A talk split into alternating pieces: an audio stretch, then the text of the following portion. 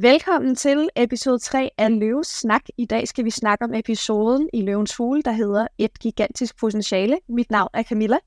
Og mit navn er Alexander Ripley.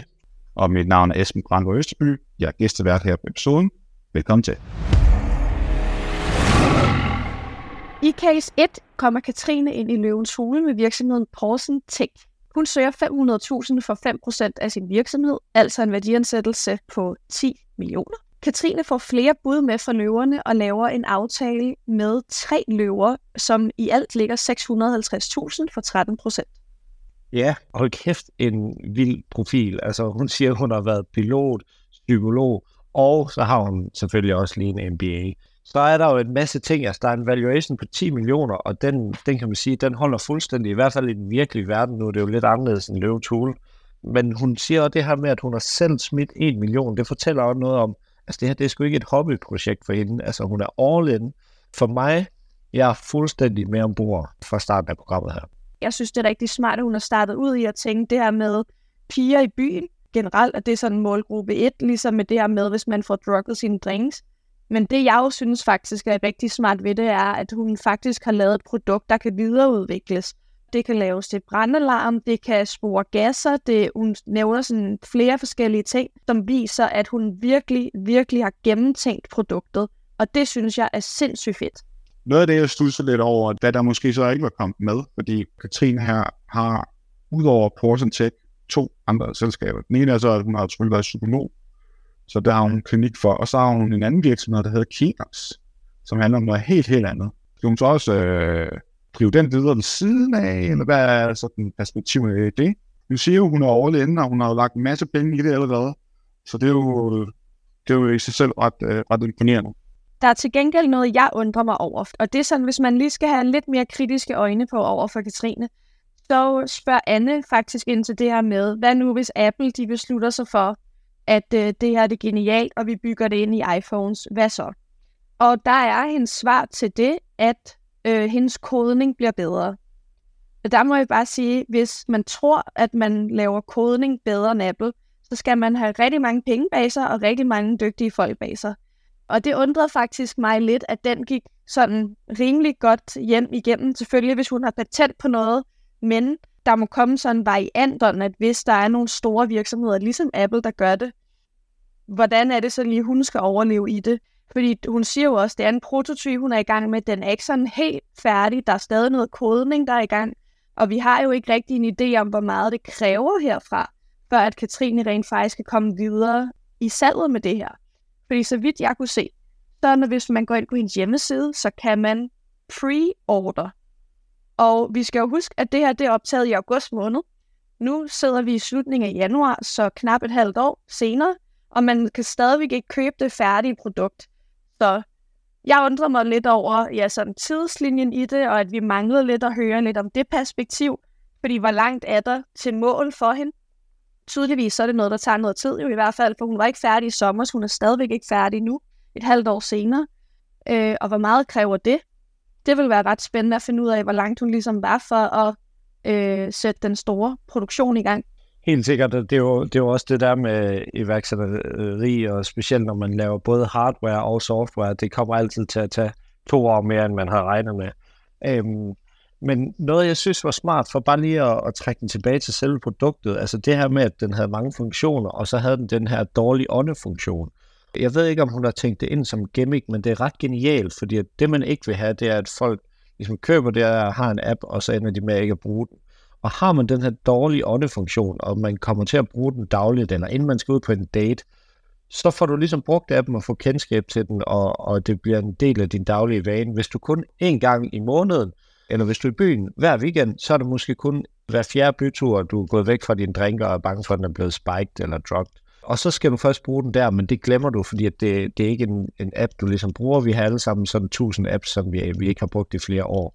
Så altså, jeg synes, der skal flere funktioner og sådan noget, som får øh, forbrugerne til ligesom at bruge den i dagligdagen. Altså sådan en dårlig åndning, der inden man skal til et møde eller på en date, det synes jeg, det er ret smart for ikke at få alt for mange dark users. Kunne man også forestille sig, at hun i virkeligheden skulle lære den crowdfunding? Det synes jeg, det vil have en ret god mening. Og crowdfunding, hvis folk er klar over det, det er jo, hvor man netop pre-order Øh, kvinder er jo ikke kendt for at være nogle af dem, der er noget bedre end mænd til at, at rejse penge gennem øh, uh, crowdfunding. Altså, jeg stiller lidt spørgsmålstegn ved selve øh, timing af, at hun kommer i løvens hule, fordi du får klart en dårligere valuation, end du gør i det virkelige liv, men du accepterer ligesom den præmis, fordi at du får den her markedsføringspakke af at blive vist til stort set hele Danmark i kvarters tid. Og der kræver det bare, at du har varer på hylderne. Altså det her med, at hun får sit navn ud nu, og folk kun kan gå ind og preorder, det er der sgu ikke ret mange, der gider for at være ærlig. Havde hun ventet et år og haft et produkt på hylderne til næste sæson, og hvis det er den der viden og sparring, hun gerne vil have, det kan hun også finde uden for programmet. Og så var hun med næste år, og så har hun 100.000 produkter på hylderne, de var blevet revet væk. Altså kunne hun allerede bevise noget salg, det her produkt, det virker. Så havde, altså jeg havde købt det her til øh, min søster, og øh, alle kvinder, jeg kender, hvis der var noget. Så den der markedsføringspakke, som ligesom er fordelen ved at gå ind i løvens hule, ud over de kloge penge fra kloge løver, den misser hun ligesom. Så der er noget timing i, i løvens hule. Personligt havde, hvis Katrine var min veninde og havde spurgt mig, så har jeg sagt, vent med løvens hule, til du er klar til at putte noget altså, direkte på markedet. Der er jo faktisk noget lidt sjovt, som ikke er set i løvens hule før, som sker her i den første case. Og det er jo, at den aftale, der bliver lavet inde i programmet, det er, at Katrine hun får tre investorer med ombord. Hun får Louise, Thomas og Nikolaj med ombord. Og det, der så står efter Katrine er gået ud af studiet, er, at efter programmet er de blevet enige om, at det er Thomas Visti alene, der investerer solo med 10% til den samme værdiansættelse, som der blev lavet inde i Løvens Hule. Og det er faktisk første gang, at vi får et indblik i, at casen ikke altid ender sådan, som man ser i programmet. På trods af, at det faktisk har været sådan i alle 8-9 sæsoner, så, så er det jo sket hver eneste sæson, at der er nogle cases, der ikke ender sådan, som man har set ind i programmet. Det er selvfølgelig kun fedt, at de fremviser det, fordi det giver jo et mere samsfærdigt billede af, hvad det så ender med, øh, sammenlignet med det første møde, man har med investor. Ja, det er jo sådan, øh, til, til dem, der ikke har været igennem det, eller ikke ved det øh, fra, fra nogle af de andre episoder, hvor vi snakker om det, det bliver optaget i august, og så går man igennem sådan tre måneders due diligence, hvor investorerne og iværksætterne ligesom skal øh, gøre den her mundtlige aftale til en skriftlig aftale, og der kommer der rigtig meget papirarbejde ind igennem. Man kigger ligesom under motorhjelmen på hele virksomheden, og der kan man jo så finde ud af, altså det er der, man rigtig lærer hinanden at kende, og det der nok er sket, er, at øh, Louise og øh, Nikolaj har fundet ud af, okay, vi har ikke nok procenter til, at det er vores tid værd. For det er jo virkelig en lotto kontra en virksomhed, der har salg, der laver et lille overskud, som skal vækstes. Så jeg, jeg synes egentlig, det er en god aftale, de finder frem til, at øh, Thomas ligesom kører på sine 10%. Han har den ene lotto og han har fuldstændig erfaring inden for branchen. Og hvis jeg lige må runde Thomas Visti, jeg synes, han er så røvfed. Kæmpe spark til programmet, at han lige kommer ind her som gæstløve. Jeg synes, han er for fed. Jamen, han gør det godt. Jamen, jeg har ikke så meget mere tilføjet. Men Mindre I har mere, så synes jeg, at vi skal gå videre til case nummer 2. I case nummer to kommer Jannik og Rico ind med virksomheden Eventyrcykler.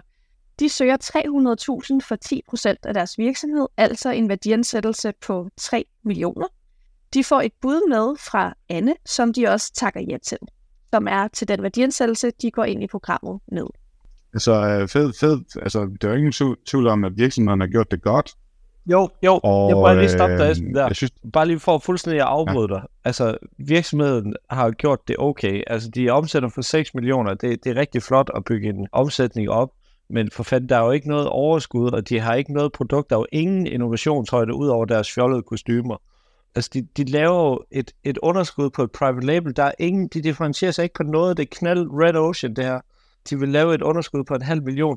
Jeg ser nul i den her, og jeg tror, Anne, hun er gået i seng og tænkt, hvorfor fanden mødte jeg dem på deres valuation? Jeg synes, valuation er alt for et undskyld. Det var bare lige sådan, for jeg synes ikke, det er noget vildt, det her. det er fair nok, altså. Det, det, jeg, jeg, jeg er sådan set uenig. Det jeg blot vil sige var, at det er stadig flot, at man har, man har fået sådan en, en stor omsætning. Øh, jeg tror virkelig, at han har stået derinde, fordi at, øh, det er ved at blive en, øh, hvad skal man sige, et øh, offentligt, øh, en offentlig webshop, kan man sige, og stænge sig ved en fugle. Fordi mand mangler ikke penge. Jeg har siddet og kigget lidt på, hvad han, øh, ham, øh, hvad hedder han, Jannik, der han har. Han har også noget, der hedder Safe Marine, hvor, som han har haft siden 2017 med seks ansatte. Der er en, en øh, ja, fin lille par millioner i egen, en million i egen kapital. Øh, jeg har også en udlejningsejendom, så det, det er ikke fordi, han står og mangler penge af sin så forstår ikke helt godt, hvad, hvad han egentlig laver derinde. Man kan selvfølgelig sige, jeg kan godt lide det der med storytelling, fint, men det var ikke rigtigt kunne tage den ud til de der store... Uh, der er ingen storytelling. ting, som vidste også. Der, der, der er ingen storytelling. Det her, det er det mest vage brand, jeg har set længe. Altså, de, de siger, de hedder eventyr og cykler, fordi at de, de kom fra Odense. Er det det? At, at, at, is, this, is this all you can give me? Altså, jeg, jeg synes ikke, det her det er noget, der er intet brand. Altså, hvis du kører private label, fint nok så kører du nogle produkter ind, som alle andre har, men så har du verdens fedeste brand, du har nogle ambassadører med, du har nogle influencer med dig, som gør, at din private label med dit logo på, altså det er brandet, der bærer virksomheden. Det her, det er bare, at du har alle andre cykler, og du har ikke noget navn eller noget brand. Det her, de har jo bare knaldet en virksomhed op på at sælge noget, som alle andre har, og, og ligesom Øhm, ja, så omvendt kan man så sige, at de er jo så i gang med at forsøge at prøve at udvikle noget nyt. Så jeg ved ikke, altså jeg synes, det er fint nok et sted at starte med en virksomhed med private label. Det har jeg ikke så meget imod. Det, det er helt legit. Min anden går mere på, hvorfor de står derinde. Jeg forstår ikke, hvad, hvad de skal bruge øh, investeringen til. Det er for tidligt. De fortæller jo, at de faktisk står derinde, fordi de søger noget strategisk sparring, og fordi de gerne vil åbne i udlandet. Og den første tanke, jeg også lige havde, så er det sgu et, øh, et ærgerligt navn. Så skulle man måske have startet med at være international. Der er faktisk flere virksomheder, vi har set i år, som er de her private label virksomheder, og de er faktisk, flere af dem, været rigtig gode til at køre en omsætning ret højt op. Det er en god idé at starte sådan, fordi nu har de noget, en bund og gro på, men det, der er spændende ved den her case, det er ikke deres private label produkter, for der er ikke noget særligt ved dem overhovedet. Men det er det her med, at de siger, at de er i gang med at udvikle forskellige ting. Han er ved at kigge på noget solcelleenergi til cyklerne. Hvis sådan nogle ting kan lykkes, så synes jeg, det bliver rigtig fedt. Men lige nu er jeg meget enig med Alexander i, der er intet specielt ved den her case. Men lad mig så, lad mig så prøve at tage det, som du snakker om. At, at, at, at det så er en sådan, det synes jeg selvfølgelig også, det er altid godt, at så tage det som næste step i deres virksomhed. Men det får vi bare heller ikke så meget. Altså det, de, de hører noget om, at de 25 procent af vejen, altså, det er jo ikke noget, som en investor kan sidde sådan og forholde sig alt for meget i, fordi det er noget, der ligger altså et godt stykke ude i fremtiden formentlig. Så, så det tilspiller det ikke super meget værdi, må, må jeg indrømme. Og jeg synes i øvrigt, at det er lidt specielt, at praktikanten, der, altså, nu er han så ansat, at han står derinde, fordi han har jo ikke nogen anden i selskabet. Hvad, hvad, hvad er hans, altså hans formål er selvfølgelig at fortælle lidt om den del, og han har styr på nogle ting, men er det ikke meningen i Jannik selv skal have styr på den del? Jeg forestiller mig, at det er fordi, at, øh, at Rico er med, fordi han er ingeniøren. Han er den, der ville kunne svare på de tekniske ting, hvis der bliver spurgt ind til det. Dog er jeg måske også meget enig med dig, Esmi, at du som iværksætteren og ejeren selv, specielt når han ikke ejer noget som helst, der bør han også selv kunne svare på de ting, som løverne potentielt spørger om. For det er heller ikke fordi, jo, når man står over for nogen ved det store, og man pitcher sin virksomhed, at man i den time, man er derinde, der bliver du ikke spurgt fuldstændig ned i detaljen på, hvordan alt er udviklet og alt muligt og sådan noget jeg, jeg vil sige, når vi har sådan en case af Løvens Hule, som der er ikke rigtig noget brand, der er ikke, der er ikke en skid storytelling, der er ikke, der er ikke noget over nogen, der fisker noget hjem, putter nogle klistermærker på og skyder det ud. Det er også fint nok, jeg har fin respekt for det, og de har, øh, de har jo gjort det godt. Det er ikke det, jeg siger. For at det skal tænde mig at sidde og se det, så skal jeg ligesom have nogle tal, så jeg kan sidde og regne på det. Hvad koster en kunde? Hvad tjener de per cykel? Alt det der, fordi at hvis de sælger en cykel til 20.000 og kører den for 19, jamen så forstår jeg det godt, de laver et, øh, øh, et underskud, og jeg forstår også godt, de kan banke hurtig omsætning op. Så jeg vil have nogle tal at sidde og lege med, når jeg ikke har noget andet storytelling, passion, en eller anden fed iværksætter. Men så, så, så, er, det bare, så er jeg bare spildt 10 minutter. Men så bliver vi nødt til at snakke om det der storytelling igen. Jeg er enig om det der med tal. Det, det vil selvfølgelig være mega fedt, fordi så får vi mere det der aspekt med investeringsdelen. Men storytelling, altså det kommer an på, hvilken vinkel du ser på det. Jeg forstår det godt, at sådan i, hvis du gerne vil til udlandet og så videre, så passer det måske. Jeg tror, du tænker det sådan fra et iværksætter synspunkt, men altså hvis man går op på deres hjemmeside, og man ser det der i tv, at han står i øh, uh, H.C. Andersen tøj, og har de øvrigt for Odense og så videre, eventyrcykler, H.C. Andersen, ja, jeg forstår godt, hvor han vil hen med den del, og jeg tror også sagtens, at der er nogle brugere, som vil købe sig ind på den der. Det er jeg ikke i tvivl om. For lige at give et afsluttende kommentar til det her, og brandet og sådan noget. Jeg synes ikke, det er fedt, de står i det der ah, hos Andersen gøjl. Altså, det kan godt være, at jeg er blevet en sur gammel mand, men altså, det bliver lidt forceret på en eller anden måde. Er det ikke forceret at klæde sig lidt ud? Så det er jo ikke en rigtig storytelling. Du har bare lavet noget tøj nede i en eller anden øh, genbrugsbutik, og så går du ind i det, og så siger du, det er Tommy Lise og alt det der. Jeg ser det ikke, jeg føler den ikke, jeg mærker den. Nej, jeg er ikke. Det er, det, det er jeg overhovedet ikke enig i. Altså, går man på deres hjemmeside, så er der også, deres, altså, så er der også den hat i deres logo, og det hedder eventyrcykler. Der er også, han står også med en hat og det der kostume der på deres hjemmeside. Så jeg, jeg er ikke helt enig. Jeg er også blevet en sur gammel mand. Jeg har haft en lang uge. må, jeg, må jeg stille jer et sidste spørgsmål til den her? Hvis I sad som løver der, havde I investeret? Nej, jeg har ikke investeret. Camilla? Jeg havde heller ikke, men det er der flere årsager til, for jeg er enig med dig i, at jeg synes ikke, storytelling var god. Det virker lidt for nemt, eller sådan, at bygge det op fra, at jeg er fra Odense, og så tager jeg en hat på og sådan noget. Øh, jeg kan godt se, hvad de har tænkt med det. Jeg synes, det virker lidt for flat for mig. Jeg synes ikke, det er så sexet øh, eventyrcykler.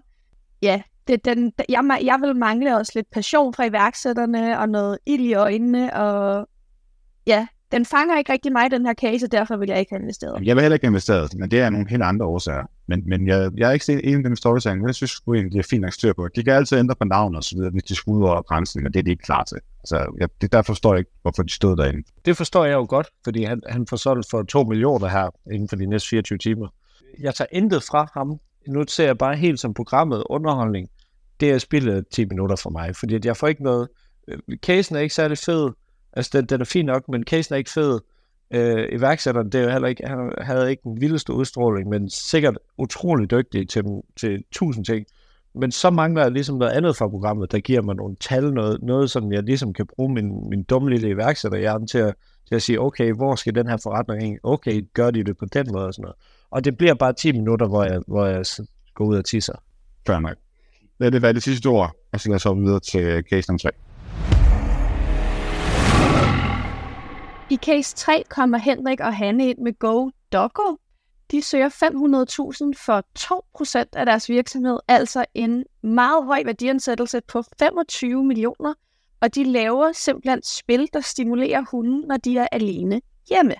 De får ingen bud i dagens episode, og altså går ikke derfra med en investering. Ja, jeg ved næsten ikke, hvor jeg skal starte. Der er mange ting. Jeg tror, jeg vil starte med, de kom ned egentlig en fin nok præsentation af, hvad kan man sige, af produktet, at de er en hund med, og de viser, at det virker og så videre. Altså valuation, en ting, det kommer vi til at snakke om, at øh, hvad de laver af omsætning, og hvor mange penge de brænder, er jo helt vanvittigt. Det, der skiller sig mest ud, det er, jeg synes, attituden fra iværksætteren er lidt lousy.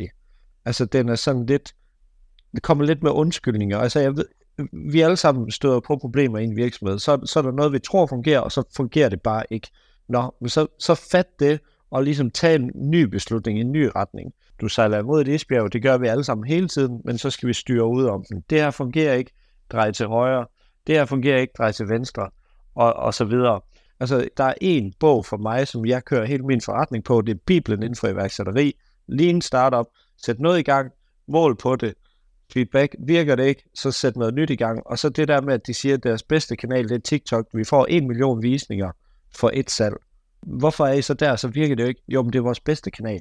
Men så gør noget andet. Det, det I har gang i, det fungerer ikke. I brænder 200.000 i måneden, og I skifter ikke retning. Det er indbegrebet af en dårlig iværksætter. Det er en dårlig kaptajn, der ser, der er is forude, og skifter ikke retning. Det er faktisk præcis det, som øh, jeg så har tænkt. Jeg har efterfølgende været inde og se, hvad, øhm, der kunne man finde, hvad hun har sagt tidligere, fordi hun har rejst en del penge undervejs. Hvilket først havde tænkt, at det, at hun har kunne lykkes med det, men ikke får det ind i løvens hule, er et godt eksempel på, hvad forskellen mellem virkeligheden og så løvens hule, altså at du i virkeligheden kan du godt få de valuations, men i løvens hule kan du ikke. Så det første, jeg sad og tænkte. Øhm, alt det for, at hun forsøger at komme hen. Og så sad jeg bare lige en artikel her fra, fra alt for damerne. Øh, det er ja, andet år siden ish. Og der siger hun, at øh, jeg har lært på den hårde måde, at selvom mange var interesserede, da vi lancerede, så er det langt fra alle, der køber. Vi havde 120.000 likes på Facebook. Vi håbede bare, at 10% kunne kommentere til sig, så ikke lad det. Det er jo bare så Facebook og ikke lige uh, TikTok, men der er en eller anden måde, de sådan kommunikerer på, men også lidt indgået i programmet, som, som ikke virker over for kunderne. Så kan vi jo sagtens være super innovativt, men, ja, men de, de er ikke skarpe på den der. Jeg synes også, det viser noget om den viden, der lige er inden for salg, at man måske skal have nogle andre på til det, hvis man også fortæller, at man regner med fra starten af, at fordi man har x antal likes, følgere og visninger, altså regner man med, at 10% konverterer, så kan jeg godt fortælle, at i den virkelige verden er der ikke særlig mange, der har en konverteringsrate på 10%. Og hvis man havde, så var det kraftedme godt gået.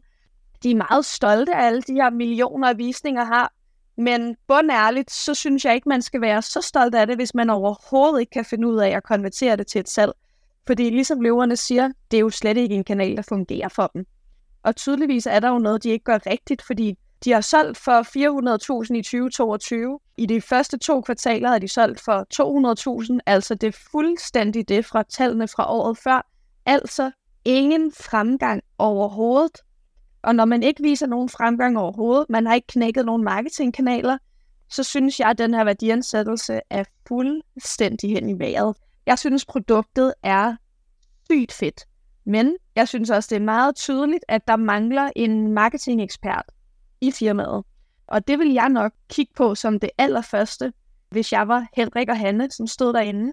Fordi den kode, den har de ikke selv knækket. De har lavet et produkt, der er fedt, der fungerer, men de mangler noget marketing og noget salg i det her. Helt seriøst, jeg synes, jeg er fandme ikke op at stege over det her, det her produkt. Altså, det her produktet, øh, det holder jo tydeligvis ikke, hvis de ikke kan... Altså, der må være en naturlig vækst i noget, hvis lortet er godt. Altså, når du har sådan et innovativt produkt som det her, hvad kan man sige, I er jo i, i Red Ocean, ikke, op med beautyprodukter og sådan noget, men hvis de har, altså hvis de er 30 millioner værd, de har det, øh, opskriften for det hele, og markedet er så stort, jamen så burde produktet jo op være noget, noget af vejen. Altså når de har i gang i det der initial sale, så øh, alle hundeejere kender andre hundeejere, og hvis det er så godt, så siger man det også til sine venner, I bliver nødt til at have det her. Men det kan godt være faktisk, at produktet er for dyrt, tænkte jeg også for. Jeg ved godt, selvfølgelig generelt, så vil folk godt lide at bruge penge på deres kæledyr. Det ved man selvfølgelig. Men det er alligevel 1700 kroner. Det kræver i hvert fald, at der er nogen, der siger til en, det her, det er ikke bare et godt produkt. Det er faktisk det fedeste, du nogensinde har set. Og der røg æsken lige ud, kan jeg se. Men vi tager næste case. I case 4 kommer Ravner ind med virksomheden Heimdall Gård, han søger 250.000 for 5% af sin virksomhed, altså en værdiansættelse på 1,67 millioner.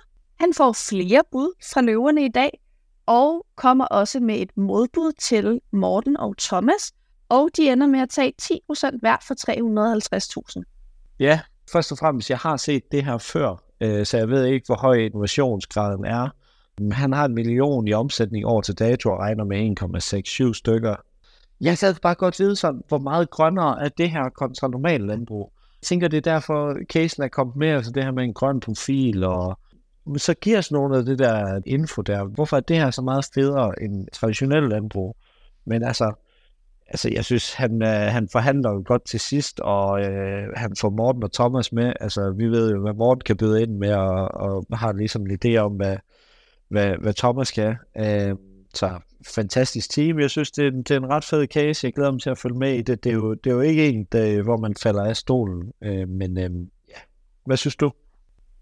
Der er jo noget med produktet, som selvfølgelig er noget, som jeg i hvert fald personligt ikke ved så meget om. Hvis vi ikke lige fik sagt det, så er det jo mikrogrønt og urter, som øh, Ravner han har lavet en metode, hvor man kan dyrke det hurtigere og på en mere effektiv måde.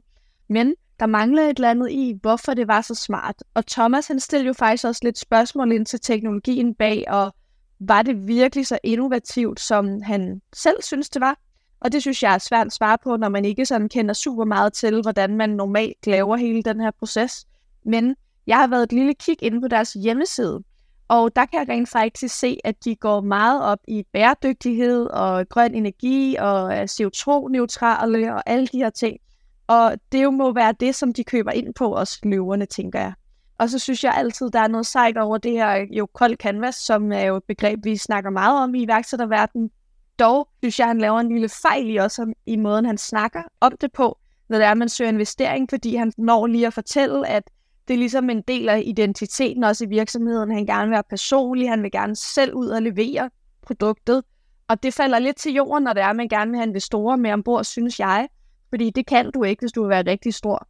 Øh, så kan du ikke køre ud med produkterne til dine kunder og stå og chit-chat med kokken og sådan noget, som var de ting, han, man kunne høre, han synes var rigtig sjove. Det håber jeg i hvert fald er en ting, han også tog med fra løverne, og måske også har gjort nu efterfølgende, at vide, at hvis han gerne vil skalere og blive rigtig stor, så øh, er noget af det, han skal ændre, det er faktisk logistikdelen i hans virksomhed. Hvis man gerne vil være stor, så skal man heller ikke selv køre ud og levere alle varerne.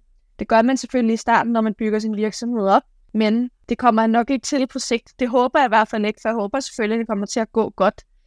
Jeg synes, der var noget smart i, at han ikke går ind i det her overproduktion, som så åbenbart øh, er noget, der normalt godt kan ske i den her branche, hvor man ligesom kører ud med et udvalg. Det synes jeg var fedt, at de også fortalte om det, at han faktisk kun producerer lige præcis det, han sælger.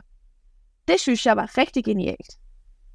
Helt klart, og øh, hvad kan man sige, det der med, at han selv vil køre ud og have det meget personligt og sådan noget, det, det vidner jo også om, at han er lidt en grøn iværksætter. Sådan havde jeg det også i starten, at det var mig, der ligesom ansigtet på virksomheden, og snakkede med alle personer. Jeg havde nærmest et personligt forhold til hver enkelt håndværker, der blev sendt til Australien i sin tid. Men det er jo de der værdier, man skal sætte over på sine medarbejdere, når de bliver ansat. Så, så det skal han nok få at vide af, af Morten og, og Thomas. Men ja, jeg håber, det her øh, bliver enormt. Jeg ved ikke, hvor stor en forretning det er. Jeg kender simpelthen ikke nok til det her, for at vide, hvad for, hvordan markedet ser ud og sådan noget. Men, men altså, sindssygt fed person han får nogle meget, meget kompetente herrer med ombord, så øh, hvis du ikke har meget mere til den, øh, Camilla, så synes jeg bare, at vi skal hoppe videre til næste case. I case 5 har vi Sobby, som vi hører meget, meget kort om. Og jeg synes, vi lige kort skal vende casen alligevel. Det er ikke meget, vi lige når at høre. Vi når ikke at høre iværksætterens navn, eller nogen som helst tal, eller noget som helst.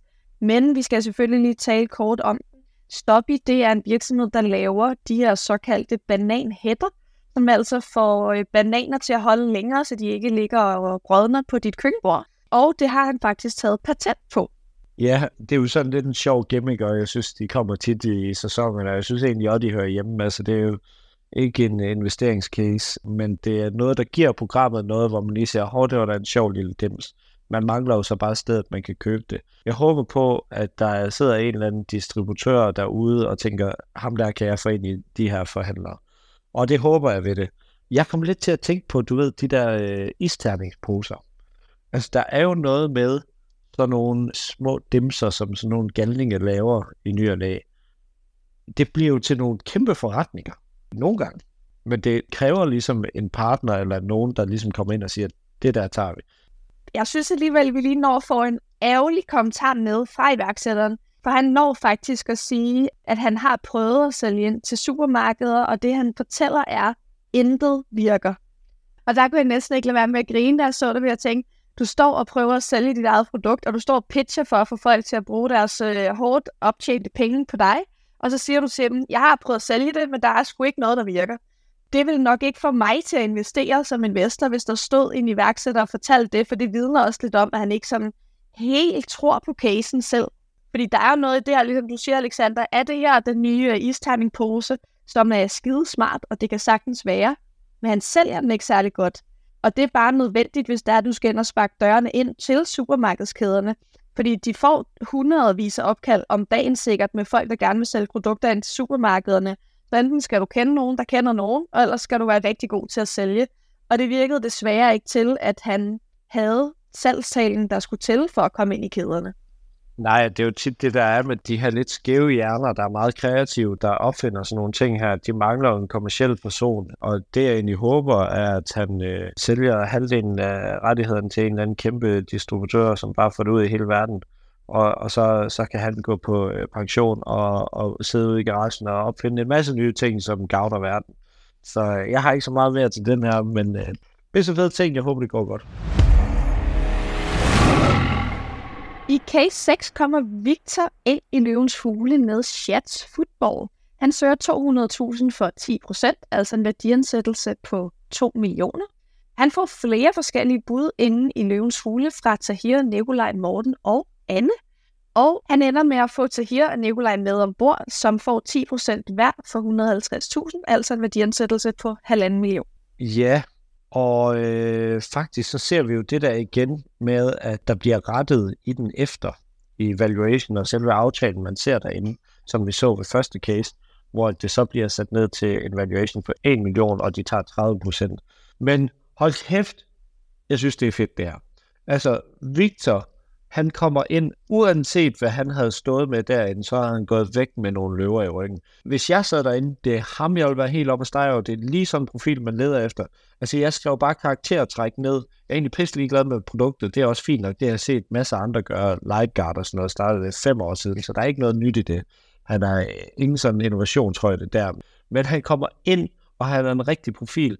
Ung fyr, der er fremad. Han er fuldtid på det. Han har selvtillid. Han har drive, ambition, humor. Han er høflig, ydmyg. Han har alle de ting, man leder efter i en, man gerne vil arbejde sammen med. Jeg anede heller ikke, det var et produkt, der eksisterede i forvejen, fordi min første tanke, da jeg så det, var genialt. Hvorfor er der ikke nogen, der har lavet det før? Det er der så nogen, der har. Kan vide, om løverne ved meget om det. Det har de garanteret også snakket om derinde i forhold til konkurrenter. For det er jo ikke noget, vi som ser i hvert fald hører noget til. Jeg synes, produktet spiller, fordi det er nemt. Det virker som noget, alle kan finde ud af. Han har undersøgt markedet. Han ved præcis, hvor mange der spiller fodbold i Danmark. Han har selv spillet fodbold. Han er i gang med at sparke dørene ind til alle mulige fodboldklubber. Det synes jeg er sindssygt fedt. Og totalt kado til, at han er fuldtid i virksomheden på relativt kort tid. Han ved præcis også, hvad han ikke kan finde ud af, og hvad han godt kan finde ud af. Det synes jeg er kæmpe plus også for en iværksætter, for du skal kende dine svage sider, ellers bliver det rigtig svært at ansætte dine første medarbejdere også, når man kommer dertil. Så ja, mega kado for hans øh, iværksætterevner. Helt klart. Jeg havde fornemmelsen af, at løverne troede, at han havde opfundet det her. Jeg tror måske, at det er derfor, at de har lavet en, en aftale efter i due diligence, hvor de tager valuation ned fra 1,5 million til 1 million og tager nogle flere ejerandele. Netop fordi, at det er, øh, altså der er, der er nogle store konkurrenter på markedet. Men jeg tror, at grunden til, at de har valgt ikke at hive sig ud af det her, det er nok fordi, at Victor er den person, han er de får ham ind i folden af deres netværk, og hvis det ikke bliver det her, så bliver det en eller anden virksomhed, som de kommer til at samarbejde om. Men generelt, altså, det er de rigtige løver, han tager med, føler jeg. Altså Tahir og Nikolaj kender jo sportsverdenen. Ja, jeg sætter altid lige øh, en, en stjerne op i hovedet på den case, der har været fedest i programmet. Og det er sådan set lige meget, selvom han kun har øh, omsat for 45.000, og det plejer jeg at øh, kritisere helt vildt men så kan man bare vinde på noget, der hedder charme og have de rigtige karaktertræk, som gør, at man bliver en dygtig iværksætter. Det tror jeg virkelig, uh, Victor han, han gør. Jeg glæder mig til at se, hvor han er om 10 år. Meget, meget enig. Jeg har faktisk ikke så meget mere at sige, andet end at øh, jeg glæder mig mega meget til at følge dem og se, om de får øh, sparket døren ind, specielt også internationalt, hvor Tahir også fortalte, at han havde et par kontakter. Så det bliver rigtig spændende. Fedt. Så, øh, så vil jeg bare lige slutte af med en aller sidste spørgsmål. Hvad synes du om det her med en gæstevært, og hvad synes du om Thomas? Jeg synes, at det er rigtig fedt, når Løvens Hule prøver noget nyt, hvor at det får et tema, ligesom de havde Tommy Ahlers inden sidste år. I et par episoder, at de så har fået Thomas Vist ind. Personligt kendte jeg ham ikke, men jeg synes, han virker rigtig cool. Man får et rigtig godt indtryk af ham. Han virker skarp, dygtig. Øh, han er jo øh, fokus på tech-virksomheder derfor har vi selvfølgelig også en masse tech-virksomheder, og jeg synes, det er fedt, at der er lidt tema over det. Nogle gange, ligesom vi havde det grønne perspektiv i et par episoder sidste år, så er der noget her, hvor der ligesom er et gennemgående tema i ting, man måske ikke kender. Det giver noget andet til programmet, synes jeg. Og jeg håber også, de bliver ved med at gøre det i kommende sæsoner. At der kan komme sådan en ny vinkel på det i nogle af de enkelte episoder, så de skiller sig lidt ud. Ja, nemlig at det bliver sådan lidt branchespecifikt, for man kunne godt mærke, at de har taget alle dem, der var, eller de cases, der nu var med sådan lidt automation og sådan noget, netop fordi Thomas han var der. Altså bare for at sige det, Thomas han har vundet øh, uh, CEO Owner of the Year i hele Europa. Altså han er next level big dog. Altså det er en ordentlig kanon, de får ind, og han uh, er sindssygt skarp. Og jeg synes, det her det er det bedste afsnit, der har været hele sæsonen. Ja, jeg synes, god episode. Det kan godt godt være, at, at jeg bare er i godt humør i dag. Ej, jeg var lidt sur i starten af episoden. Men i hvert fald, vi ses næste torsdag. Tusind tak, fordi I gad at lytte med.